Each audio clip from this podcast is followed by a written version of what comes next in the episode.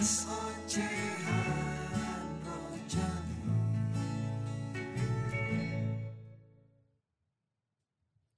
apa kabar? Selamat berakhir pekan. Akhir pekan ini buat gua kayak tai. ya, karena kayak tau kayak itu, gua mau bicara atau ngoceh tentang menghadapi titik nadir kehidupan.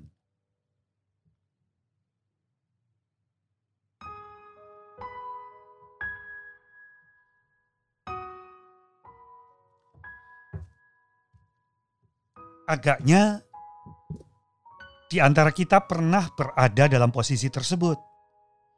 Titik nadir adalah titik yang paling rendah. Titik di mana rasa manusia itu perlu dipertanyakan. Jadi manusia kok susah ya?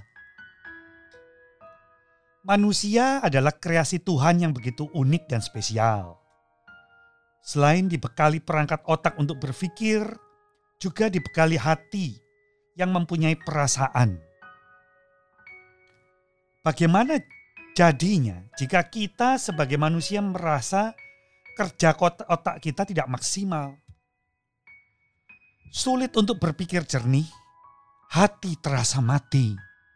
Sulit merasakan apalagi menikmati kehidupan sehari-hari. Padahal fitrahnya manusia dilahirkan secara bebas, telanjang tanpa pakaian, berkreasi tanpa batas. Jika dia pegawai, akan merasakan kejenuhan yang luar biasa hebat karena rutinitas. Jika dia pejabat, dia akan merasa lelah dan putus asa karena dituntut untuk selalu melayani. Jika dia artis, frustasi akan mendera karena sangat sulit menemukan privasi untuk keluarga dan diri sendiri. Jika dia penikmat kehidupan bebas, akan merasa lelah mencari dan terus mencari hulu dari segala keinginannya. Jika dia aktivis, akan tiba masa bahwa aktivitasnya terasa hambar, ingin sesuatu yang nyata, bukan sekedar kata. Jika sadar bahwa dia diciptakan sebagai manusia seutuhnya, dia akan pasrah terhadap nasib setelah perjalanan jauh dan melelahkan yang tak kunjung membuahkan.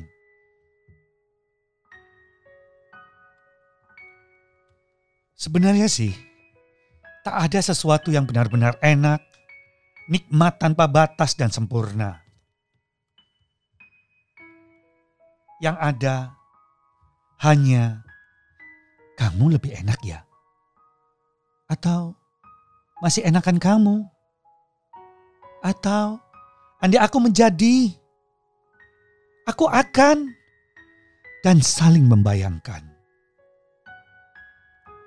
Sebagai makhluk yang unik, manusia mempunyai banyak sekali cara untuk menemukan solusi terbaik. Namun tak jarang, sangat sulit menentukan dan memilih solusi yang cocok karena lumpuhnya otak dan perasaan. Podcast ini pun saya buat, saya ocehkan ketika merasa titik nadir sebagai seorang manusia. Manusia sebagai makhluk ekonomi. Bosan, lelah, jenuh dan semangat padam seakan waktu berjalan merayap satu tahun lamanya hanya untuk sekedar menunggu tanggal muda. Lalu, apakah dengan perceloteh saya akan mendapatkan kembali dan fit lagi? Jawabannya tentu tidak. Saya dalam perenunganku Sebenarnya titik nadir hanyalah luapan dari sistem yang mengatur pola pikir dan perasaan secara sistematis dan terus-menerus. Dan ini sangat menyalahi kodrat naluri manusia yang selalu ingin bebas berkehendak dan berkreasi. Sebagai pekerja, saya sadar bahwa jiwa dan raga terlalu diatur harus tunduk pada hukum dunia. Perlulah sekali waktu diberi keleluasaan untuk melepaskan semua belenggu itu. Kalau kita berbicara masalah menerima, menerima di sini berarti kita berusaha tidak melawan keadaan. Ikuti saja alurnya. Nikmati kepusingan kita, jengkel dan jenuh kita. Dengarkan alunan nada sumbang dari bos atau rekan kerja yang membicarakan kita. Anggap saja sebagai radio rusak Cukup dimengerti bahwa jika baterainya habis, radionya juga akan mati.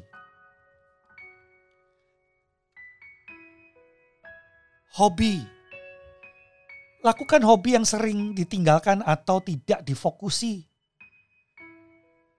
Jika kalian atau Anda sudah tua, gak perlu malu untuk main games jika memang hobi.